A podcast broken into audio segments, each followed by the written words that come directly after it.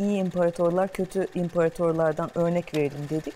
Biraz şimdi bu anlatacaklarım tarihi paparazzilik gibi gelecek ama bu kostümler giyiyor yani kadın kıyafetleri giyiyor işte peruklar takıyor. Gerçekten de Roma'yı Roma yapan imparator olarak bilinir. Evet. Domitian en kanlılarından bir tanesi. Adamcağızın testislerini kestiriyor, ağzına takıyor, ondan sonra öldürtüyor. Şarabına bolca zehir koyuyorlar. Commodus'un ki öldürsünler ama Commodus ölmüyor. Müthiş bir kompleksi varmış. Çünkü saçını kaybediyormuş. Şimdi mesela Kel. bu kelleşiyor. Yani kel. Öğlen ve akşam yemeklerinde idam koyduruyor ki idamı seyrederken iştahı açılsın diye. Merhabalar, merhabalar. Tekrardan buluştuk. Pelinus. Batius diyecektim. Erkenden yakaladım. Artık böyle kullanmaya karar verdim ismini. Çok havalı.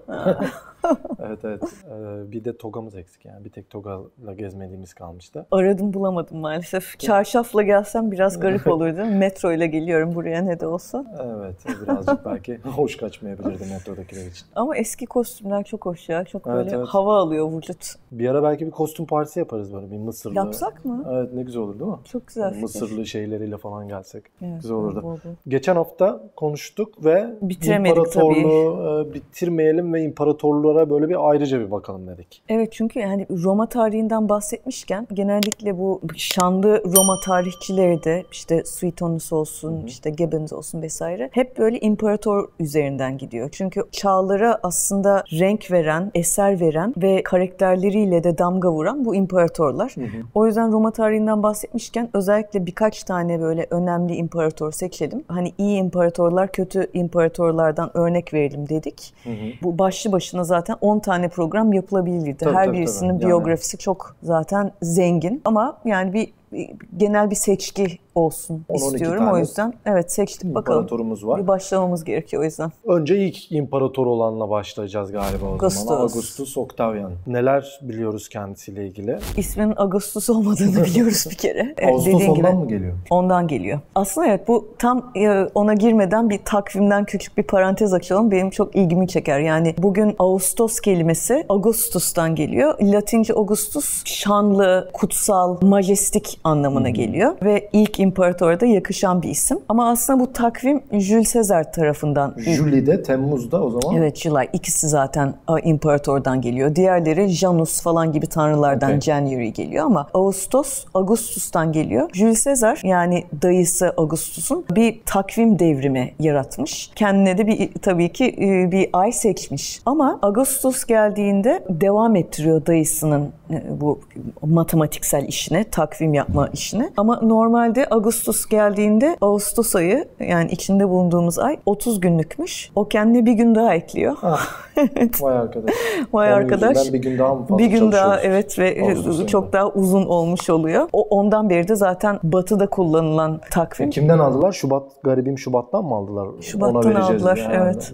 Tüh, yazık ya bu Şubat'a. Neyse o zaman biraz yani daha... Şubat 29'da doğanlar düşünsene 4 evet. senede bir doğum evet. günlerini kutlamak durumundalar. Ama o zaman 30 Şubat olacaktı. 29'u 30 Şubat bir 4 yılda bir mi oluyor o zaman? Evet. Neyse bu. Yani nasıl yaptılar bilmiyorum ama kendisine bir Tabii. gün ekleyerek aslında kendi dayısından da daha üstün olduğunu göstermiş oluyor. O da 31. Bir zaten böyle bir Sezar'ın üstüne çıkma hali var Augustus'ta değil mi? Yani kendi dayısından sonra dayısı yani, öldürüldükten Roma'nın sonra. Roma'nın aslında yeniden inşası ve küllerinden doğumunun sembolü oluyor. Hı hı. Ama biraz geriye gidelim. Şimdi biz en son bir araya geldiğimizde e, Brutus'un ve Cassius'un Sendem Brutus evet. e, hikayesinden ve Sezar'ın e, yok edilişinden bahsediyorduk. Dolayısıyla oradan başlayalım. Sezar ortadan kaldırıldı. Büyük bir kaos ortama hakim. Çünkü Marcus Antonius Antonius, biraz geçen sefer bahsettiğimiz Marcus Antonius ve Augustus yani asıl adı aslında Gaius Octavius Turinus. İkisi böyle birbirlerine karşı bir dikleşme ve imparatorluğu elde etme savaşına giriyor. Sonuçta Julius Caesar... İmparatorluktan kastımız daha henüz... Daha imparatorluk değil. Yani sonuçta senatonun üstüne geçen ve bir nevi Caesar gibi yani... Ömür boyu diktatör. Evet, ömür boyu diktatör. Tabii onu o zaman telaffuz etmiyorlar. O zaman şöyle bir durum söz konusu. Şimdi Caesar öldürüldü. Augustus Marcus alelacele şehre geldi, Roma'ya döndü. Marcus Antonius'la böyle bir dikleşme durumu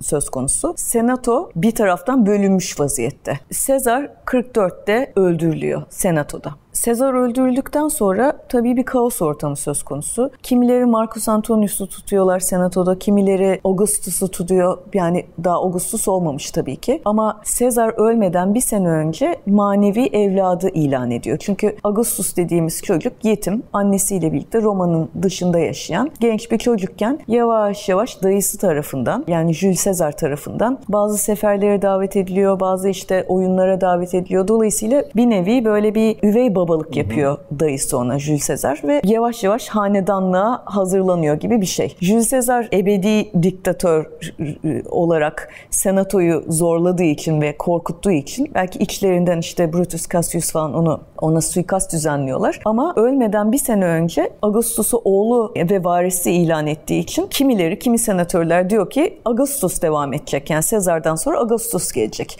Hatta Augustus'un belki de hakkını korumak için ve Marcus Antonius tehdidini ortadan kaldırmak için dönemin en önemli kişiliklerinden bir tanesi yazar ve oratör yani çok iyi konuşmacı olan Kikero bir seri konuşma yapıyor. Bunlar milattan önce 44-45 arasında yani Sezar'ın ölümünden sonra. Ve o konuşmalar Senaton'un tabii ki ruhunu değiştiriyor ve Marcus Antonius'a karşı bir cephe alınmasını sağlıyor. Geçen sefer biraz bahsetmiştik. Marcus Antonius... Antonius kaba saba bir adam bu arada diyebiliyorum. Evet. Ben. O biraz milleti de gıcık edebilen bir adam. Evet. Asker zaten. Asker. Ömrünü e, cephelerde geçirmiş. E, ve hani aslında başarılı da bir general, iyi bir asker. Ama garip bir şekilde Jules Caesar'dan sonra belki de bir tane benim bildiğim somut zaferi var. Ondan sonra bir seriyi böyle arka arkaya evet. kaybetmeye başlıyor ve kaybetmeye başladıktan sonra da intihar ediyor. Onu biliyoruz. Ama oraya gelmeden önce kısaca şunu söyleyeyim. Şimdi Jules Caesar zamanında birinci triumvirlikten bahsetmiştik. Hı hı. Yani imparatorluk üçe bölünmüştü. Şimdi yine aynı şey oluyor. Önce Brutus ve Cassius'u devreden çıkartınca e,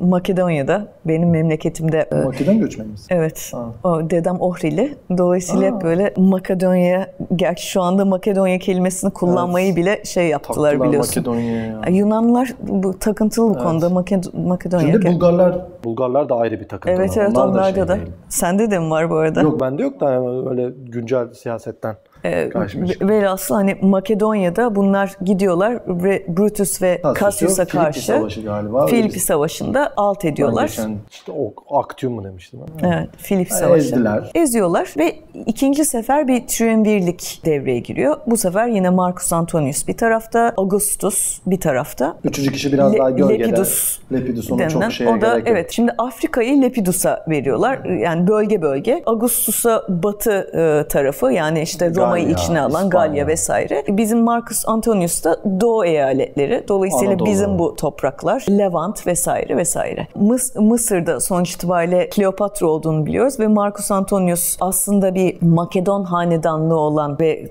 Kleopatra'nın ailesi olanlerle bir araya gelip müttefiklik yapınca bu sefer yine Batı Roma bunu bir tehdit olarak algılıyor. Çünkü sonuçta başta da bir antagonizm vardı biliyoruz ve kimileri hani takım tutar gibi Augustus Augustus'cu, kimileri Marcus Antonius'cuydu ama bunlar bir seri savaşa sebebiyet veriyor. Ve demin de söylediğim gibi arka arkaya Marcus Antonius kaybediyor. İşte e, Akdeniz'de bir savaş Gemi savaşında gemi, en gemi son. savaşında en son alt ediliyor. Kaybedince de zaten intihar ediyor. Arkasından da şey e, Kleopatra da intihar ediyor. Meşhur yılanlı sahne. Hı hı. Hepimizin bildiği. Dolayısıyla Augustus aslında tek e, güç olarak güç olarak ortada kalıyor ve bundan sonra zaten ilk imparatorluk, ilk imparator olarak Augustus ismini alıyor. Princeps mi diyorlar? Evet yani birinci kişi. Birinci ilk ve Birinci vatandaş gibi. Bizim şey gibi sıfır şeydeki bir plakası mı var? Cumhurbaşkanının plakası. Evet, evet. Onun gibi bir şey Evet, yani. onun gibi bir şey. Ve Augustus aslında gerçekten de Roma'yı Roma yapan imparator olarak bilinir. Çünkü daha önce hem bu Jules Caesar ne kadar iyi bir general de olsa, bir stratejist olsa da Roma'nın inşasına çok fazla zamanı kalmamış adamın. Çünkü sürekli seferlerde hı hı. yok Galya'da, yok bilmem işte nerede Akdeniz boyunca pek çok savaşa giriyor. Ve e, kendisi de tek hükümdar olmadığı için ne kadar kendini diktatör ilan etse de onun egzersiz edecek çok fazla bir zamanı kalmamış oluyor. Ama Augustus tek adam olarak e, bir kere Roma'yı meşhur laf vardır böyle ahşap alıp ondan sonra mi, e, hmm, mermere, mermere dönüştürme hikayesi. Gerçekten de bugün mesela sonradan tekrar tahrip edildiği için yeniden restore edilmiş ama bugün bildiğimiz Pantheon ki hani Roma'nın en evet, önemli eserlerinden bir tanesidir. Pantheon mesela Augustus inşa ettiriyor. Aynı zamanda insanların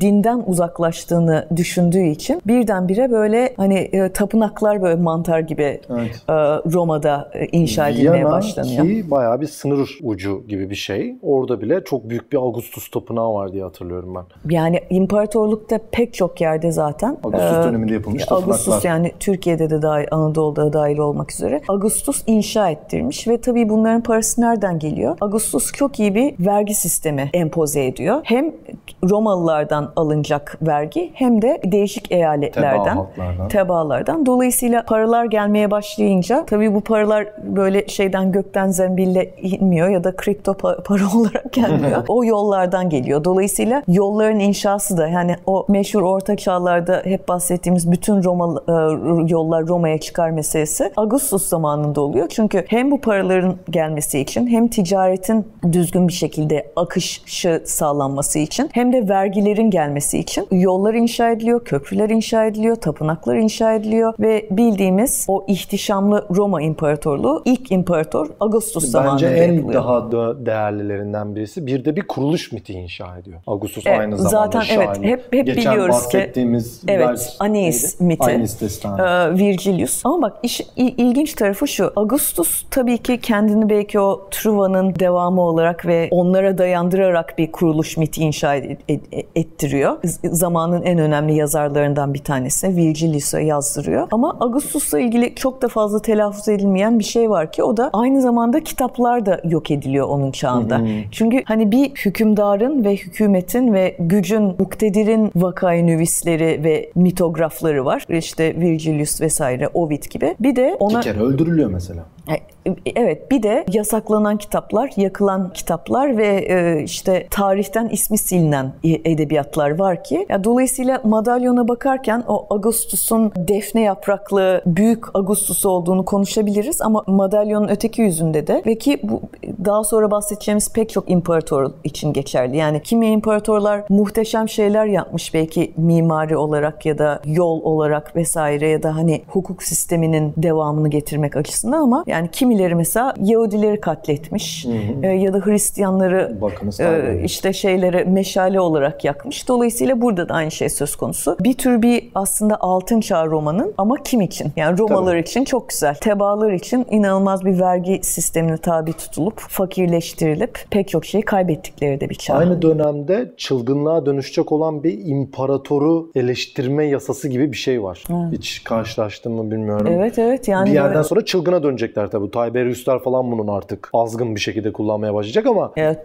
parti hayvanlarına dön. Augustus'u eleştirmek gibi bir şey bir hatada bulunduğun an yandın. Evet. Malına mülküne el konuluyor yani. Böyle öyle bir şey de değil. Seni sadece öldürmekle bırakmıyorlar. Bayağı. Evet yani bizim ülkemizin çok acı bir şekilde bildiği varlık vergisi mesela varlık hikayesi. Vergisi gibi. Yani o yüzden de bir taraftan belli senatörleri çok mutlu ediyor. Hani güçlerine ve zenginliklerine zenginlik katıyor ama ona karşı duranlar ya vergi e, kısvesi altında bütün varlık vergisinde olduğu gibi bütün e, zenginliklerine ya da mal varlıklarını ya da topraklarını kaybedebiliyorlar. Tamamen hani imparatorun yanında mısın değil misin? Ama dediğim gibi sonuç itibariyle eser olarak bakacak olursak inanılmaz bir şey inşa etmiş. Hı hı. Hayali de oymuş zaten. Belki de hani Julius Caesar'a her zaman bir manevi baba gibi görüyor ve belki de onun hayallerini gerçekleşiyor. Zaten ismine de o evet. titrine de o ismi de yerleştiriyor Julius Sonra bir geleneğe Caesar. dönüşecek zaten o. Augustus nasıl daha sonraki imparatorlar ondan sonra al, alıyor. O da aynı şekilde Julius Caesar'dan alıp devam ettiriyor bu geleneği. Mimarisi dedik, genel kültürü dedik ama birazcık da hani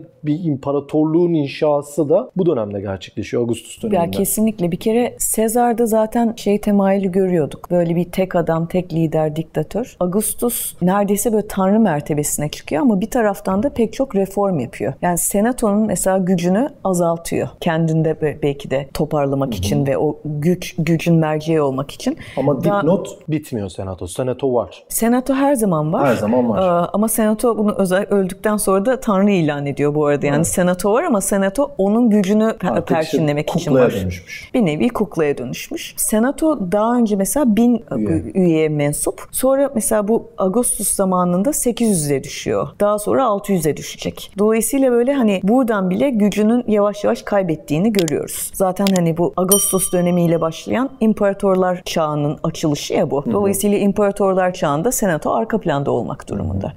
Buna mukabil Augustus aynı zamanda hani bir barışçıl bir imparator nispeten. Şimdi Roma deyince hiç barış aklımıza gelmiyor tabii ki. Ama Pax Augustus denen Pax kelimesi barış demek evet. ya. Pax Augustus dönemi deniliyor. Çünkü nispeten tabii ki önemli savaşlar var, önemli kayıplar var ama 200 yıl boyunca aşağı yukarı en azından o Perslerle olan savaşlar gibi ya da Germenlerle Kartaca, olan devasa ya da Kartaca yok. gibi değil. Daha böyle hani e, nispeten barışçıl bir dönemin önünü açmış oluyor. Antik çağlar için barışçıl. Yani sınırda böyle birileriyle birileri şey yapıyorlar. Yani süre, sürekli bir tehdit var, ayaklanma var ama yani en azından onlar hızlı bir şekilde çünkü artık hem hukuki anlamda hem ordu anlamında bir sistem oturmuş vaziyette. Yani kurumsallaşmış. Kurumsallaşmış vaziyette. Bunu da zaten hem kanunla hem reformlarla elde etmiş oluyorlar. Dolayısıyla Augustus çağına, ilk imparator çağında bizim işte Roma İmparatorluğu'na bakınca sınırları inanılmaz böyle bir ilerlemiş. Yollar inşa edilmiş. Her tarafta işte Apollo, Augustus, Mars ve benzeri tapınaklar ortaya çıkmış bir dönem. Augustus öldüğünde şimdi bu da ilginç çünkü bundan sonra pek çok imparatorun evlatlığının hanedana geçtiğini ya da işte imparator olduğunu görüyoruz. Bu da e, e, Augustus'ta belki bu, bu sistem başlıyor. Yani kendisi de zaten Jules Caesar'ın yeğeni olarak dayısının tahtına geçmişti.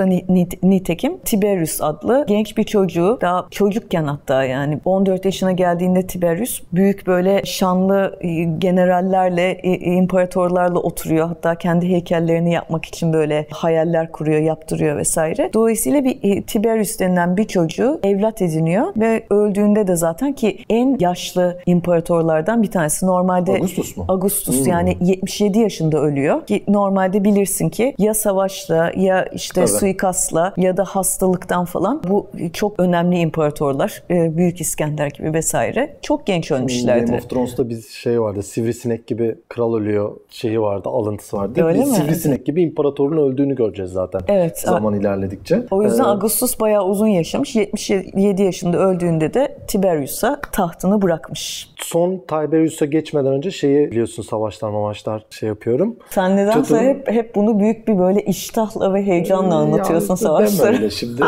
Beni de şimdi cani gibi gösterdin ama. Estağfurullah cani gibi değil de iyi biliyorsun bu konuları. Denk geldi diyelim. Töteborg Savaşı var bilirsin belki sen de. Bu Germenler. Germenlere karşı aslında Romalıların uzun yıllar bir daha hamle çekememelerine neden olacak bir savaş bu. Çünkü böyle bir artık oradaki sınırı ilerletme gibi bir amaç var. Bu Cermen toprakların içine doğru ilerlemeye çalışıyorlar. Öncü birlikler gönderiyorlar. Bu birliklerden birisi de Varus isminde bir komutanın altındaki 3 lejyon. Töteborg ormanında daha önceden başka bir Romalı olan bir Cermen kabilesini yenmişler daha öncelerde. Orada bir tane çocuğu esir alıp onu bir Romalı gibi yetiştirmişler ve bu Romalı generalde Varus'un yanında Arminius. Dolayısıyla e, Germen Germen'e karşı gibi bir durum evet, söz konusu oluyor. Germen Germen'e karşı gibi bir durum söz konusu olacakken tabii kanı şey yapamıyor Arminius. Taraf değiştiriyor. Çok büyük bir pusuya düşürüyorlar 3 Roma lejyonunu ve Romalılar için cidden büyük bir kayıp. Büyük bir kayıp. Yani halen biz bunu tarihte çok fazla destansı şeyle beraber biliyoruz. Netflix'te de en son bunun bir dizisi çıkmıştı.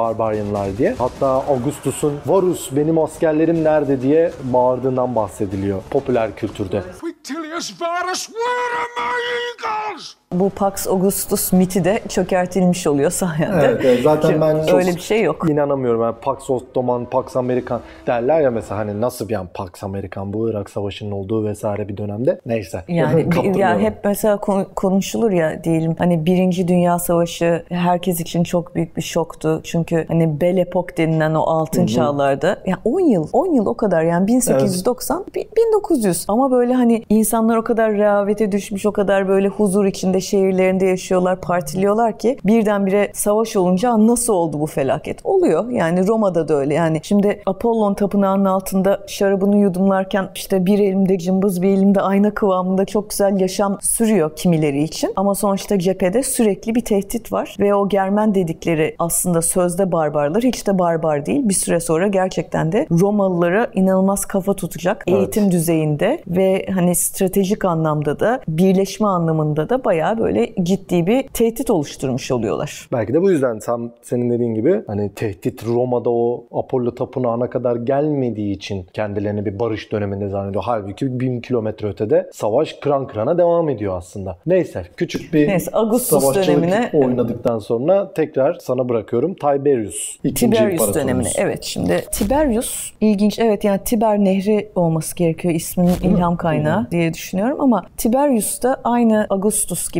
ailesinden uzak işte Roma'dan Roma'nın dışında yaşayan bir çocuk ama daha çok genç yaşta yani ergenken Augustus tarafından e, bir şekilde eğitiliyor, yanına alınıyor. Önemli Aslında babası zaten çok önceden Julius Caesar'ın yanında. Yani bizim bu aileyle birazcık Onun, evet, bağı var. Yani sonuçta genellikle bu tür imparatorlar zaten ya önemli senatörlerin oğulları ya askerde önemli kişiliklerin oğulları.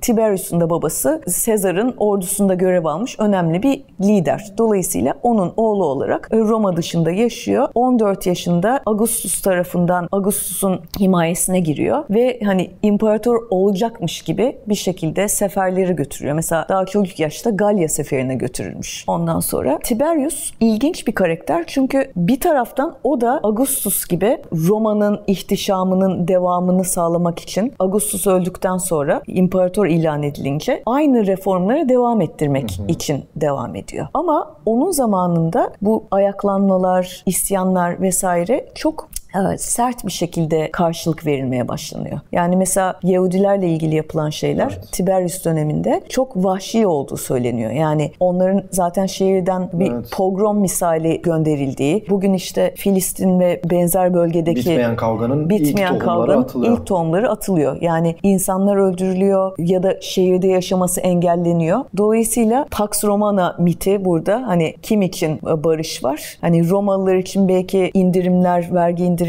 vesaire yapılıyor. Yine inşası Roma'nın devam ediyor. Ama şehrin ötekileri ya da imparatorların ötekileri gerçek anlamda ötekileştirilmiş ve imhasına yol açmış bir dönemdir Tiberius. Yani Tiberius'u diğerlerinden ayırt eden imparator yani böyle pek çok o kötü imparatorlar gibi savurgan ya da şey değil. Yani işte böyle sadece kendi sefasına, zevkine, saraylarına yatırım yapmıyor. Hakikaten de ama çok savaşçı Ama da zorba. değil. Ya zorba, çok zorba. çok zorba ama mesela imparatorluğun hiç olmadığı kadar serveti olduğu söyleniyor o- onun döneminde. 20 Doğru. katına çıkarmış. İmparatorluğun coğrafyasında da yayılım var ama mesela Sezar gibi bir asker değil. Gidip de böyle sürekli bir yerleri fethetmeye kalkmıyor. Dolayısıyla imparatorluk ekonomik anlamda en stabil olduğu dönemlerden bir tanesi Tiberius zamanı. Bunu Şu söyleyebiliriz. şeyi e, vermeme izin verirsen aslında şu detay çok önemli olabilir belki. Şimdi imparatorlukların genelde bir coğrafi sınırı olur genelde. Yani bir yerden sonra artık gitmek o kadar kolay değildir. Şimdi hemen bakalım Roma haritasına. Kuzeyde Keltlerle bir sınıra gelmiş Britanya'da. Cermanya'da artık ormanlar ve çok zor bir coğrafya. Cermenler gibi ulusal kimliğini yavaş yavaş oturtmaya başlayan bir halk. Geçelim Balkanlara. Ve ittifak eden yani Evet, başkalarıyla- alakasız evet e, şeyler koloniler gibi duran bir süre sonra birlik oluyorlar. Birlik olmaya başlıyorlar. Balkanlarda Dacia'lar çok büyük bir direniş gösteriyor. Birazcık da coğrafya artık buna izin vermiyor. Anadolu'ya geldik Persler var ve dağlar izin vermiyor. Geçemiyorlar artık. Güney'e geldik çöller var. Yani aslında zaten artık o eski Sezar'ın zamanındaki gibi belki gönüllerinden o geçiyor. Gidelim bir yerlere alalım da büyük görkem, şan, şöhret olacak ama artık bunu da belki dipnot olarak koymak gerekiyor buraya. Evet. Çünkü hani mesela Osmanlı'da da hep söylenir bu artık. Osmanlı da bir yerde sınırına dayanıyor. Hani Ama Viyana'yı alsaydık ama bambaşka Viyana tabii olmayacak o ayrı olacaktı ama o şey içinde Roma içinde belki de Perslere aynısını söylüyorlar uzun süre boyunca. Ya ah o Persleri bir alabilsek alacağız gideceğiz Hindistan'a kadar Ama yolu yani var. işte Büyük İskender yaptı da ne oldu? Evet. Öyle Vardın şey. Hindistan'a ne oldu? Yani burayı geçmemekte biraz belki hani Sınırlar şey olmuş oluyor Evet, aslında evet. sabitlenmiş oluyor biraz. Coğrafya aslında kaderindir muhabbeti birazcık doğru gerçekten. Coğrafya sana gidemezsin dediği zaman gidemiyorsun bir noktada da. Coğrafya Burada- kaderindir ve e, anatomi de kaderindir der ya Evet. Freud. Yani ikisi de bir şekilde seni Evet, sınırlıyor. Evet, evet kesinlikle öyle. Tiberius'la ilgili evet çok tutumlu bir şey ama gerçekten de şeyi de geçmemek lazım. Bu az önce söylediğim e, Augustus dönemindeki imparatoru eleştiremezsin yasaları. Tiberius, Tiberius için de döneminde çok geçerli. Tiberius döneminde artık zaten gerçekten uygulanmaya başlıyor ve çok ciddi anlamda insanlar senatoda yargılanıyorlar, senatörler yargılanıyorlar ve yeni gelen imparatorlara da çok kötü bir örnek oluyor bu. Tiberius döneminde sen şeyden bahsedecektin bize. Hani bu zorbalık da bir anekdot aslında. Ya o zorbalıklar zaten bir süre sonra kurumsallaşıyor.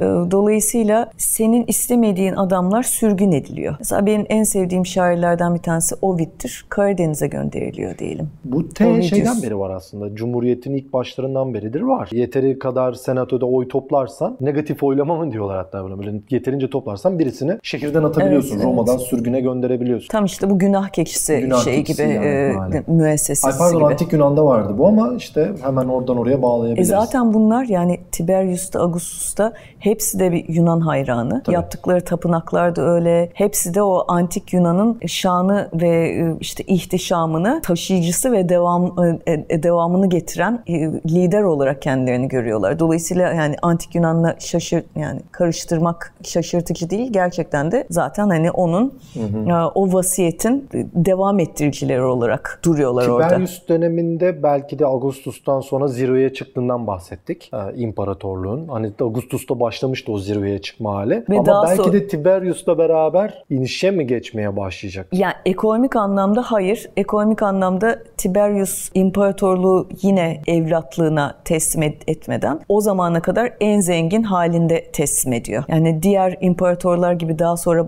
bahsedeceğimiz işte Caligula'lar, Ner- Neronlar falan gibi böyle parti hayvancı değil bunlar. Yani direkt Memur. adam asker, memur, diktatör kombinasyonu diyebiliriz. Gerçekten de çok sert muhalefeti ya da kendine karşı olan sesleri ya da farklı din, dine mensup olanlara tahammülü yok ama kendi çevresini zengin ediyor. Şehrin inşasına devam ediliyor ve bir şekilde de müsriflik yapılmıyor. Yani e, diyeceksin ki belki o saraylara gerek yoktu ama o saraylar sonuç itibariyle da o tapınaklar Tiberius zamanında yapılan daha sonraki imparatorlarla birlikte de bir şekilde korunuyor ve Roma'yı Roma yapan yerler. Augustus'la Tiberius ikisi de bu anlamda çok önemli. Ama hani sonuçta bir de yaşayanlara soracaksın. Dediğimiz gibi çok çok sert. Yani ben hep Tiberius'u bazen böyle çocukken bazı isimleri hatırlamak için şey koyardım. Mesela kendi içimde Tiberius'u terrible diye hatırlıyordum.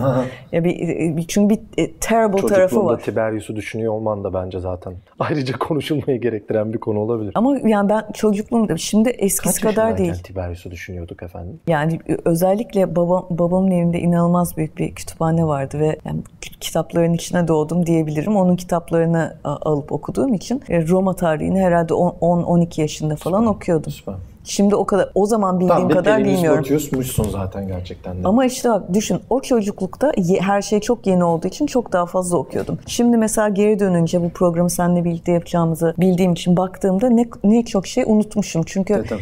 ya tarih bir de hani herkesin ya da edebiyatta ben sonra yaptığım doktoralar ve masterlarda falan sonuçta o zaman yaptığın teksti iyi biliyorsun ya da o metinleri iyi biliyorsun. Ama bunlar böyle genel tarih olarak kafasının arkasında duruyor. Ama şu tarihte şu olmuştu. Tiberius 14 yaşında gelmişti. Bunları unutuyorsun tabii ki.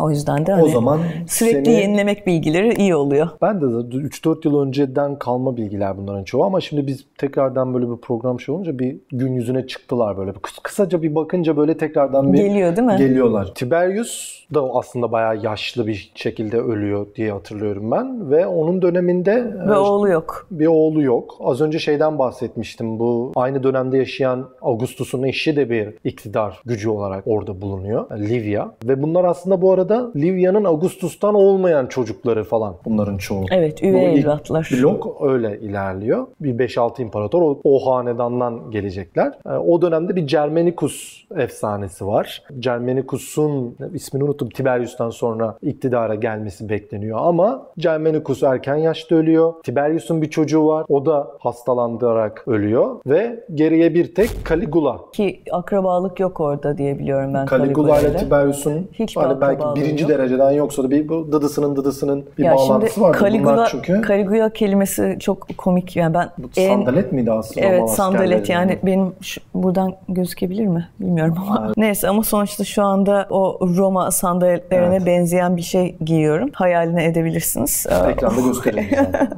Yani Caligula küçük bot gibi bir şey Evet. anlama gelen bir şey ve hani askerde bir çocuk aslında. Ama çocukluğundan itibaren hakikaten ciddi böyle psikolojik sorunlar olduğu aşikar. Çünkü daha sonra onun hayatını yazan Suetonius falan gibi tarihçiler onun daha minicik çocuk yaştayken hayvanlara işkence yaptığını Tam anlatır. bir manyak. Gerçekten de herhalde Roma İmparatorluğu tarihindeki en manyaklardan bir tanesi bu. Bir kere hani biraz şimdi bu anlatacaklarım tarihi paparazzilik gibi gelecek ama Caligula'yı anlatırken ister istemez onun ailevi ilişkilerinden bahsetmemek olmaz. Evet yani çünkü imparator değil bi- bir seri sansasyon ve saçmalıktan mürekkep. Bir mesela ensest ilişkileri. Kız kardeşler, öz kız kardeşleriyle ensest ilişkisi olduğu yazılmış. Ki bir tanesi ondan hamile kalıyor ve çok da sevdiği bir kız kardeşi aslında. Ama onu böyle bir şekilde sinirlenip karnına tekme attığı ve çocuğu içinden çıkartıp parçalattığı yazılmıştır. Şimdi ben hep tarihe böyle kuşkuyla bakan bir insanımdır. Çünkü bazen birileri sevilmeyince karalama kampanyası başlatılır ya da bazıları çok güçlü olunca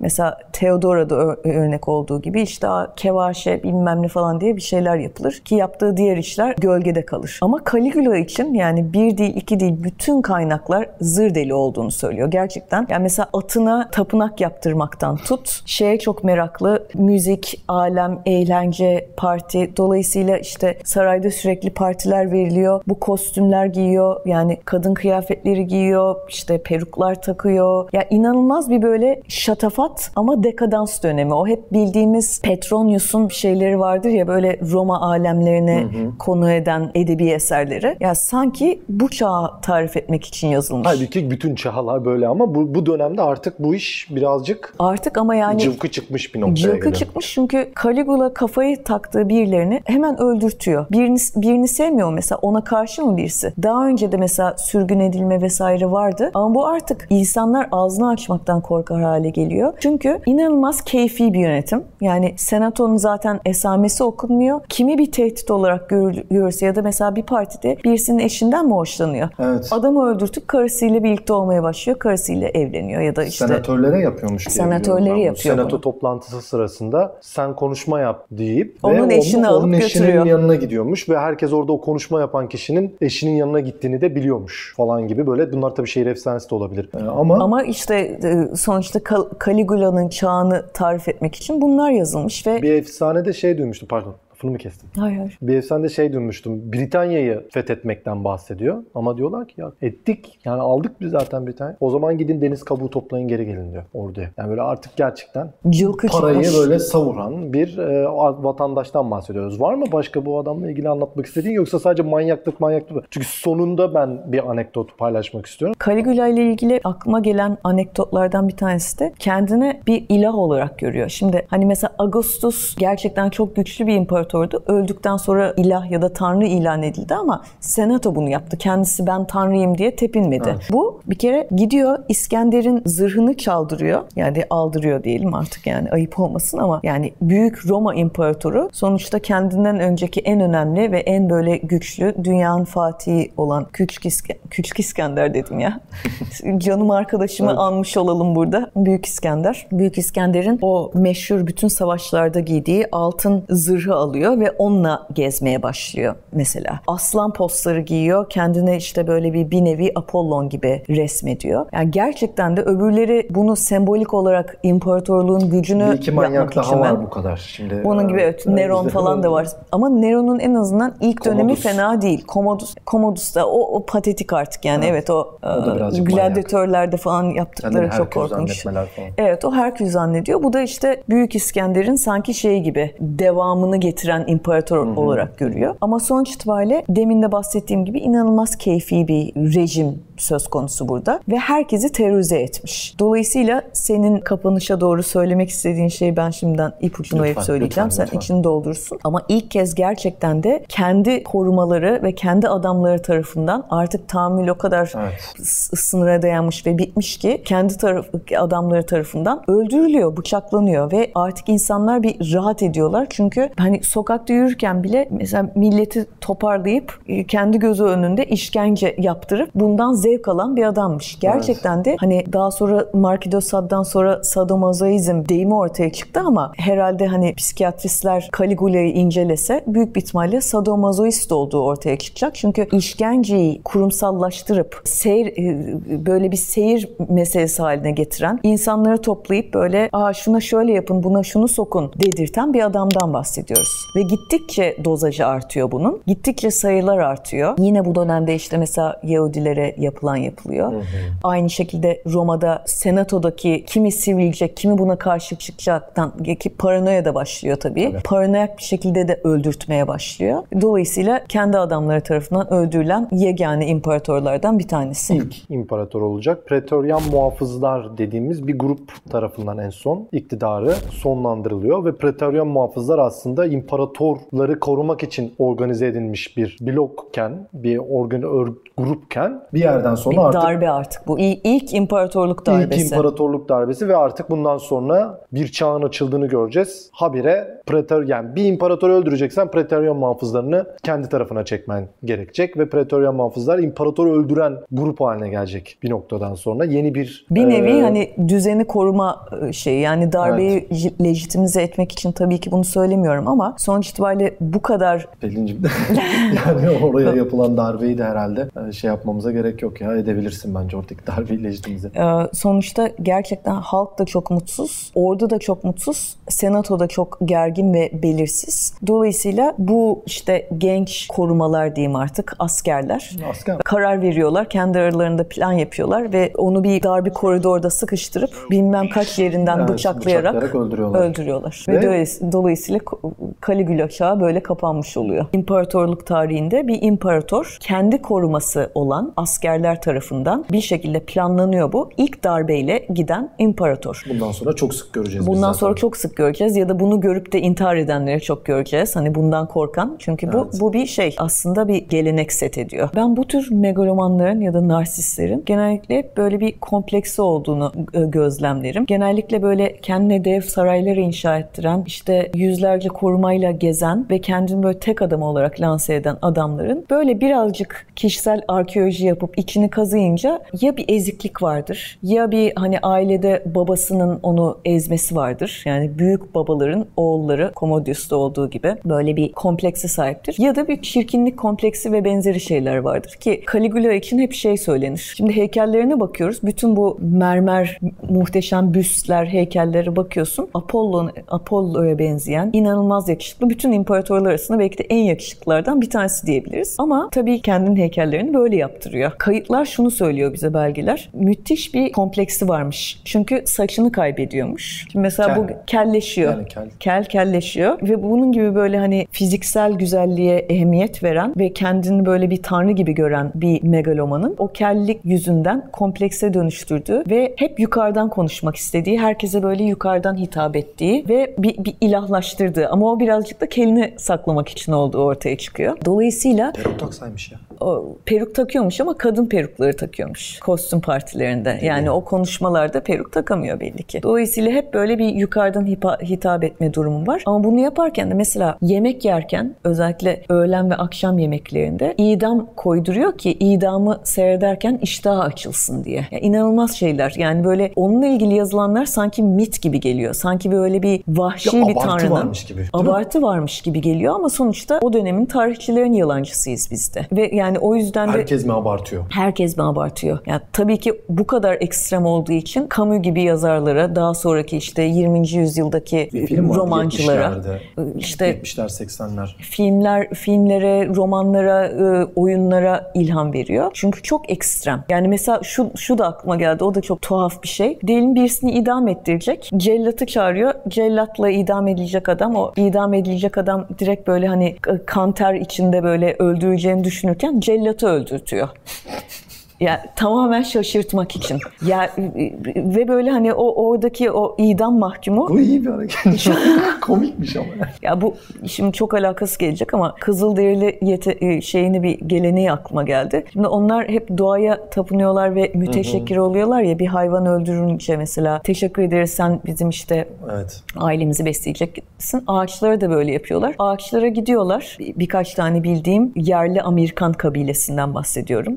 Amerikan yerlisinden yani. Gidiyor ağaçlara dua ediyor. Diyor ki ey ağaç sana müteşekkiriz ama seni kesmemiz lazım vesaire. Sonra o ağacın terörize olup yani duyup da bunu korkacağını düşünüyor. Gidiyor yan ağacı kesiyor. Çünkü bütün ağaçların bunu duyup da korkacağını düşünüyor ama Aa. yan ağacı kesme şeyi var. Bu da öyle yani idam edilecek adamı değil celladı doğratıyor, öldürtüyor. Allah Allah. Bazı tarihçiler hani iyi imparatorlar ve kötü imparatorlar diye ayırt eder ya. Bu işte en kötü imparator Caligula diyebiliriz. En kötü imparatordan sonraki kötü imparatorlarda da pek çok manyaklık göreceğiz. Ama hani idam edilmesi zaten artık her şey çığırından çıkmış ve imparatorluk elden gidiyor. O yüzden ordu bir şey yapması lazım mantalitesiyle Praetorian Guard'ı, guardları bunu böyle bin, bin tane yerinden bıçaklayarak bir Evet. koridorda sıkıştırıyorlar. Kaçamadan öldürüyorlar ve ortadan kalkıyor. Ve Sezar öldü. Şimdi yeni Sezar'ı bulma derdi içerisindeler. O dönem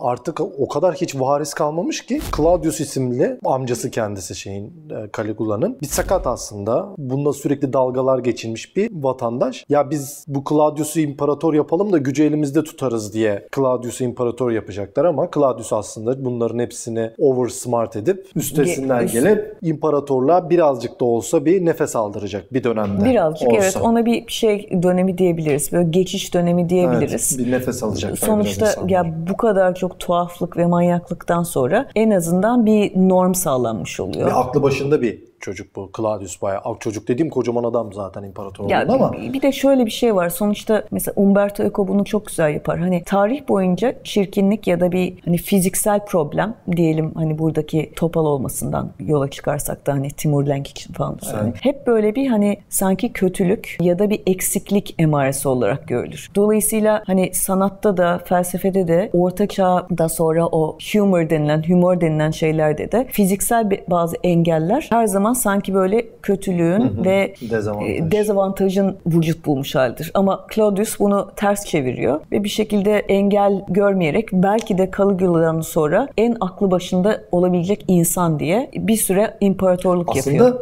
Onu imparator yapan Praetorian muhafızlar tersten düşünüyorlar ve diyorlar ki ya bu bir sakat zaten bundan bir şey Bu çıkmaz zaten evet yani. biz bunu lame Kontrol duck, ederiz. lame duck diye bir deyim vardır Evet, ya. evet, topal e, ördek. Topal ördek. Ya, topal ördek olarak bu geçiş döneminde olur ama sonuçta ordu güçlü olacak ve orada her şeyi parmağında oynatacak. evet, yani evet. darbelerde de böyle olmaz mı? Birileri genellikle gelir. O darbe yapanlar asıl kukla oynatıcılarıdır. O koltuğa yerleştirilen de onun kuklasıdır. Evet. Kukla olacağını düşünüyorlar ama kukla olmuyor. En azından tekrar aynı o Roma şeyi gelenekleri. Tiberius'ların, Augustus'ların o kurduğu kurumsallaşmaya tekrar bir geri dönüş var. Ama Claudius'tan sonra gelen yeni bir vatandaşla beraber Yine bir Tekrar delilik çılgınlık. çağına dönmüş oluyoruz. Nero bizim Neron. efsanevi Şimdi ama bak Neron'a haksızlık etmeyelim. sınıfına bile konu olmuş olan Nero'yla Nero ya da Neron yani galiba e, Neron Ro- diyormuşuz. Romalılar Neron diyor ama Okey. yani İngilizceye geçince Nero olmuş. Neyi atmışlar. Şimdi Neron. Neron diyelim bence. Yani ikisini de söyleyebiliriz ama Neron. Romalı. Şimdi Neron şey aslında Neron'un önceki dönemi ve sonraki dönemini ayırt etmek lazım. Çünkü biz Neyden hala önceki neyden sonraki demek ama. kendi kendi hükmündeki o çünkü yine bir manyaklık çağı ya da deliler e, şey hükümeti dedik ya o sonraki dönem. İlk dönemde aslında Neron bayağı başarılı bir imparator. Hakikaten de pek çok reformda bulunuyor. Ya böyle inanılmaz daha sonra yaptığı gibi insanları öldürtmek ya da insanları böyle işte işkence etmek falan gibi şeyler yapmıyor. Tam Dertleri yok. tersine o işte Sezar'dan itibaren hem imparatorluğu genişletmek hem de kendi hü- hükmünü sabitleştirmek için bir seri reform ve şehirde inşalar vesaire. Mesela Neron döneminde Roma'da pek çok yine sanat eserinin yapıldığı biliniyor. Ama Neron'da şöyle bir durum söz konusu. Onda da bir kırılma noktası var. Belki de bir güven kaybı söz konusu olabilir. Ee, Bir yerde kafayı yiyor. Ondan bahsediyordum. Evet yani şimdi şöyle Nero'nun hakikaten tarihçiler belki haksızlık ediyorlar. Çünkü hani Roma'yı yakan, Roma yanarken işte keman çalan falan ki o dönem keman falan da yok bu arada. Ama hani ilk dönemlerinde dediğim gibi hani her ne kadar Suetonius gibi tarihçiler babası da katildi, bu da katil oldu falan deseler de ilk dönemde o kadar kötü değil. Yani Babası kim? Babası da bir şeylerden Ha, sıradan birisi mi? sıradan birisi değil. Konsül. Okey. Daha önce söylemiştik ya genellikle bu imparator olanlar birebir e, imparatorun oğlu olmasa da evlat ediniyorlar ama hükümdarın yakın çevresinden seçiliyor. Evet, evet. Dolayısıyla ya bir işte konsül ya bir senatör ya bir önemli bir general ya da askerin oğulları olmuş oluyor. Neron da nitekim işte Claudius döneminden sonra evlat edilmiş ve bir şekilde e, hükümdar olmuş. Genç yaşta hükümdar olmuş. İlk dönemde o reformlara devam ediyor. Sonra yavaş yavaş paranoyaklaşmaya başlıyor bu. Mesela kendi öz annesini ve e, üvey kardeşini öldürtüyor. Ki bu da çok radikal bir şey. Kimilerini sürgüne göndermeye başlıyor. Zamanın önemli yazarları, çizerleri mesela bu dönem Roma'dan gönderiliyorlar. Lucan mesela bunlardan bir tanesi. Dolayısıyla yavaş yavaş yavaş bir imparatorun aslında çıldırışını izlemiş oluyoruz. Burada şeyden bahsetmek istedim de yani bu aslında gerçekten zor bir işten bahsediyoruz. Yani Osmanlı padişahlarında da vardır ya hani kelle koltukta yaşıyorsun. Kim Her ne zaman zaman bir- nereden sana komple Evet, kuracak böyle bir sürekli. seni öldürecek Evet. mi? Annen çünkü mesela Roma'da da bunu annesini görüyoruz sürekli. annesini öldürme nedeni e, şuymuş. Annesi bunun iyi bir hükümdar olmadığını gözlemliyor. Kardeşini tahta geçirmek istiyor. Dolayısıyla hani bu tehdidi tamamen ortadan kaldırmak için kendi öz annesini Tek çare bunu görüyor. tek çare bunu görüyor ki dediğin gibi pek çok imparatorlukta yani Osmanlı'da hani kardeş katlinden tut işte hani Deli İbrahim'in delirmesinin de sebeplerinden bir tanesi bu bu paranoya. Neron'da da bu başlıyor sonuçta. Öz annesini öldürüyor, kardeşini öldürüyor. Yakın çevresindeki herkese kuşkuyla bakıyor ama yani bazı konularda da haksızlık edilmiş de- dediğim gibi. Mesela bu yangın konusunda. Bir popüler kültür öznesine dönüşmüş diyebiliriz o zaman. Yani Roma zaten kent olarak sadece bu büyük tapınaklar ya da saraylar mermer. Sonuçta ahşaptan inşa edilmiş bir şehir ve e, gittikçe de kalabalıklaşmış bir şehir. Büyük bir ihtimalle ve ateşi de sonuçta yani e, şeyle yakmıyorlar. Doğalgazla değil değil. Yani dolayısıyla ateş yanınca bir yerden bir yere sıçrayınca ki sıcak bir diyar olduğunu hatırlatalım. Dolayısıyla bu bahsettiğimiz Ve tek bir kez de yanmıyor zaten. Böyle. kaç O defa birçok yanıyor. defa yanıyor. Ama bu milattan sonra 64'te olan Neron zamanındaki yangın dillere destan bir yangın oluyor. Çünkü Roma'nın üçte biri yok olmuş oluyor. 10 gün sürdüğü söyleniyor. Ama şimdi yine o miti devrelim. Bu işte keman çalıyor, zevk alıyor, yaktırıyor falan. Onlar sonradan üstüne yapıştırılıyor. Çünkü Neron Roma'ya 50 küsur 56 kilometreydi diye hatırlıyorum uzaklıkta. Yazlık villasında o sıra. Ee, dolayısıyla orada değil. Yangını başlattığı sonradan o dedikodu Tatil mi çıkıyor. yapıyormuş yani? Tatilde ama hemen geliyor ve kendisi su taşıdığı söyleniyor. Hatta sarayını mağdurlara açtığını, yeni bir sistem kurdurup o mağdurlara yeme içme gibi sağladığını, malını mülkünü kaybet, kaybedenlere bir fon kurdurup onlara baktı. yani. Yani o yangın sonrası bir sosyal devlete dönüyor ve kendisi de yani Roma'nın yanmasından çok müşkül olduğu için bütçesinin çoğunu Roma'nın yeniden inşasına ayırdığı da biliniyor. Ama bu arada tabii ki onu sevmeyenler şunu da söylemeye başlıyorlar. Aslında yaktırdı ki Baştan kendi yapabilsin. hayal ettiği gibi bir Roma inşa etsin. Kendisine olan e, ait tapınak işte en önde olsun vesaire gibi. Bunları tabii ki bilemeyiz ama sonuçta zamane e, kronikleri net bir şekilde yangını söndürmek için elinden geleni yaptığını ve sonrasında da insanlara yardımının hiç esirgemediğini söylüyorlar. Dolayısıyla Caligula ile kıyaslanamayacak bir, bir Tabii, tabii. şeyler var burada. Yani su dökemez eline kötülük anlamında. Ama yine de bir, bir takım paranoyalar falanlar, fismanlar var. E, ve Anladığımız yani sonuç itibariyle Neron da gittikçe sevilmiyor. Çünkü dediğim gibi sağda solda kendisine karşı olabilecek ya da kendisini öldüreceğine düşündüğü ya da sevmediği insanları yok ettirmeye başlıyor. Yani bir insan zaten kendi annesini öldürse ne olursa olsun neden korkarsa kork- korksun. Sürgün de edebilirdi ki pek çok imparator Evet. bunu yapmıştır. Adalara Ama kendi annesine evet adaları gönderiyorlar. Kendi annesini öldürten bir süre sonra senatodaki insanları işte Praetorian Guard'daki adamları sağda solda birilerini öldürtmeye başlıyor ve gittikçe popülerliğini kaybet kaybediyor ki eninde sonunda intihar etmek zorunda Ha, kalıyor. intihar ederek ölüyor. Şimdi Nero ile beraber aslında Roma İmparatorluğu'nda yeni bir döneme doğru gidiyoruz. Bu Augustus'un etrafındaki hanedanın Vespasian'ın, Augustus'un atadığı Tiberius'tan devam Selefleri, eden hanedanın evet. yıkıldığını görüyoruz. Galba isimli bir general aslında imparator olarak sivriliyor bu dönemde ama aynı zamanda Vespasian gibi doğuda Kudüs'ü kuşatmakta olan bir general var. Otho var. Yani e, bu Vitellius var. Bu dört imparator yılı diyorlar zaten buna. Çünkü bunlar böyle arka arkaya arka ay, arkaya. iki ayda bir e, bir tanesi harcanacak teker teker. En sonunda Vespasian artık bu dört imparatorun arasından hükümdar olarak karşımıza çıkacak. Bu az önce Caligula döneminde anlattığımız Pretorian muhafızların artık darbe yapan, imparator seçen,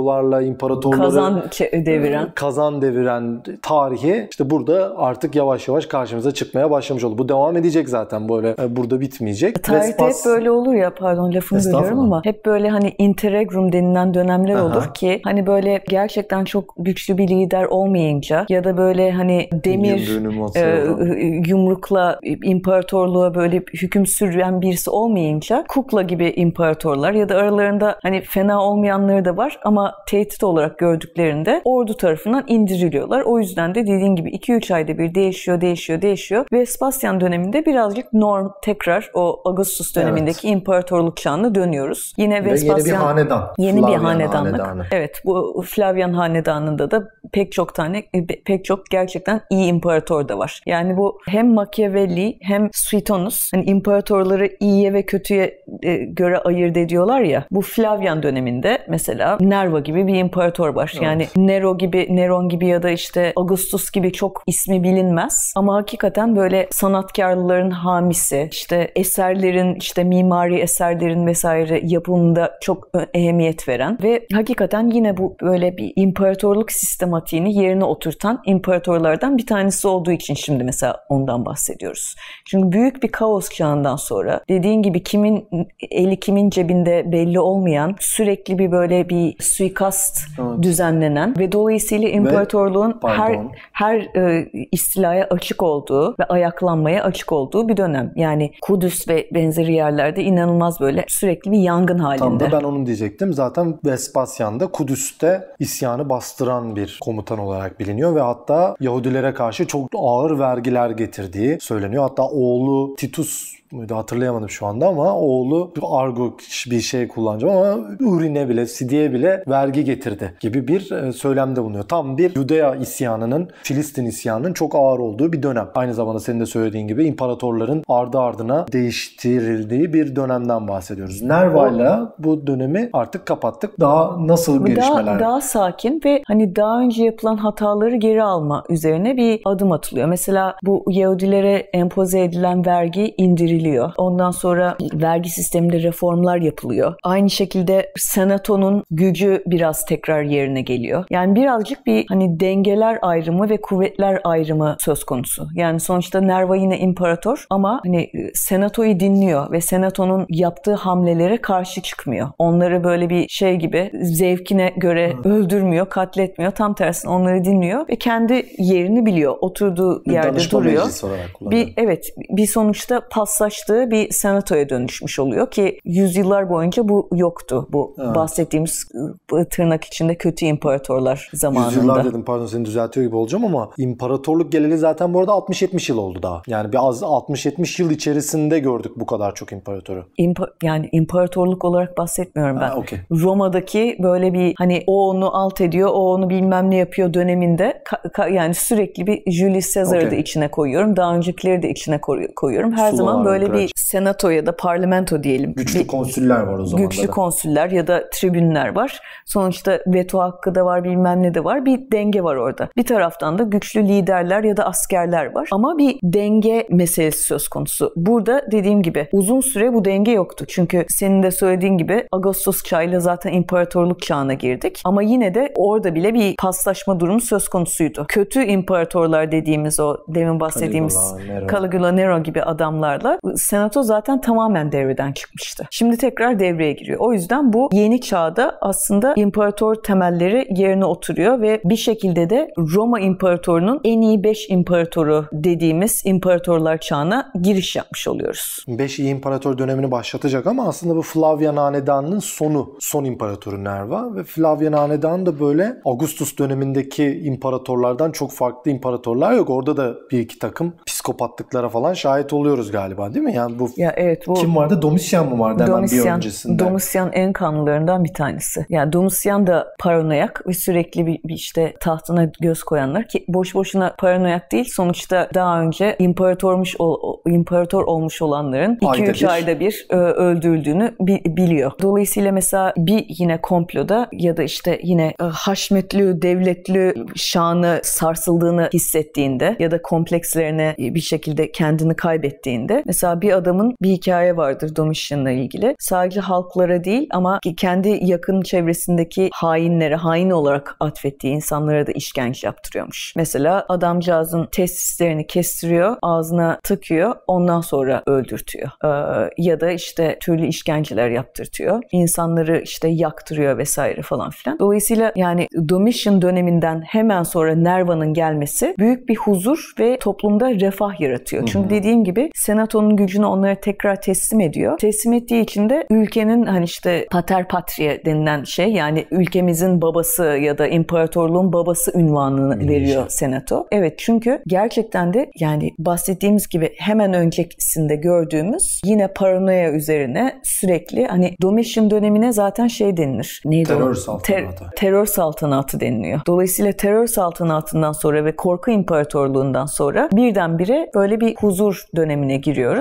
Zaten Nerva'dan sonra gelecek olan Hadrianus, Marcus Aurelius falan gibi imparatorlara bakarak da Gibbons gibi bir tarihçi de hani beşi imparator diyor. Çünkü hepsi de gerçekten hem imparatorun sınırlarını ilerletmek an- anlamında hem hukuk sistemini güçlendirmek anlamında hem senatoyla paslaşma anlamında önemli şeyler yapıyorlar. Bu ve bu fetret devri bir şekilde kapanmış oluyor. Hanedanın kapanışı gibi. kendi şahsi kaygılarıyla değil de imparatorluğun kaygılarıyla hareket edecek olan 5 tane iyi imparatorluk çağına İmpar- giriyoruz. İmparator. Nerva ile birlikte değil mi? İmparator çağına. Trajan mı? Trajan bundan sonra Bundan gelen. sonra anlatmak Trajan da zaten e, evlat edilmiş bir çocuk. çoğunda olduğu Çoğu gibi. öyle evet. Yani garip bir şekilde ya çocukları olmuyor ya pek çok, çok eşli oldukları için pek çok çocuk olup ölüyor. Zaten yanlış hatırlamıyorsam antik çağda 3 çocuktan bir tanesi ölüyormuş. Yani normal. Evet, yani evet. imparator ol- imparator olması fark etmiyor.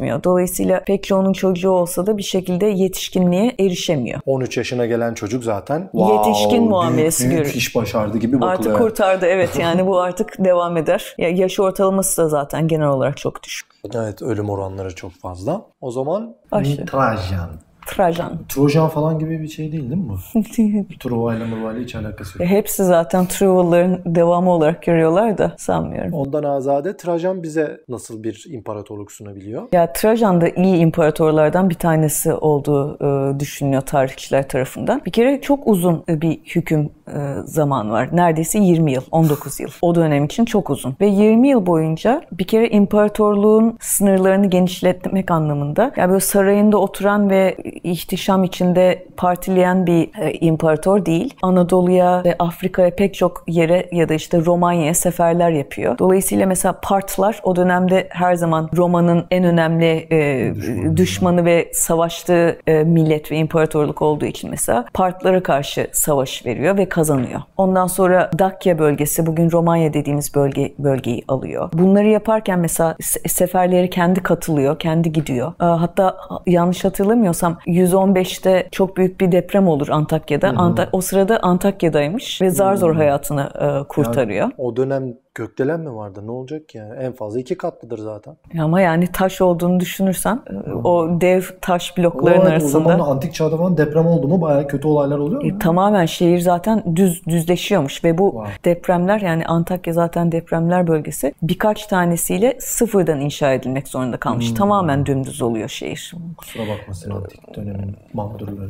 Dolayısıyla yani işte ya zaten Pompei'de olduğu gibi Lavlar. lavlar mavlar geliyor ya işte depremlerle bu büyük imparatorluklar. Atlantis'in bile öyle gittiği söyleniyor. O efsanevi hmm. şehir var ya. Ya sonuçta Trajan sadece imparatorluğu genişleten bir lider değil ya da bir asker olarak değil. Aynı zamanda mesela halkını memnun etmek için vergileri aşağıya indirmiş. O yüzden popülerliği artmış. Hı hı. Reformlar o da yapıyor. Mesela benim en dikkatimi çeken ve hoşuma giden o zamana kadar en azından çok fazla bir sivil toplum anlayışı yok bu imparatorluklarda. Trajan zamanında mesela öksüz çocuklara ya da fakirlere, yetimlere bir maaş bağlama, onlara bakma, bir bunu bir kurumsallaştırma hmm. haline girdiğini biliyoruz. Suetonius mesela bundan bahseder ve Pliny the Younger vardır. Ben Pliny'leri hem Older'ı hem Younger'ı çok severim. Çünkü hani garip bitkilerin ve hayvanların oluşumundan tut işte ıı, panteonlardaki tanrılara kadar o kadar çok şey yazmışlardır ki yani dünyayı anlamaya çalış. Evet. ilk ansiklopedistlerden bir tanesi. Dolayısıyla hani Pliny ile mesela müttefiklik edip birlikte bu hayır işlerini yaptığı söyleniyor Trajan'ın ki hmm. çok takdire şayan. Ondan sonra e, kendisi şey yapıyor. Eyaletin eyaletlerin yönetimi için yine mesela yollar inşa ediyor. O dönemde gerçekten de hani bir iletişim çağı denebilir Roma'da. Baya bir böyle Roma'yla değişik eyaletlerin ilişkileri güçlendiriliyor. Bu hem fiziksel anlamda yol yapımıyla hem de diplomasi vasıtasıyla yapılıyor. Hı hı.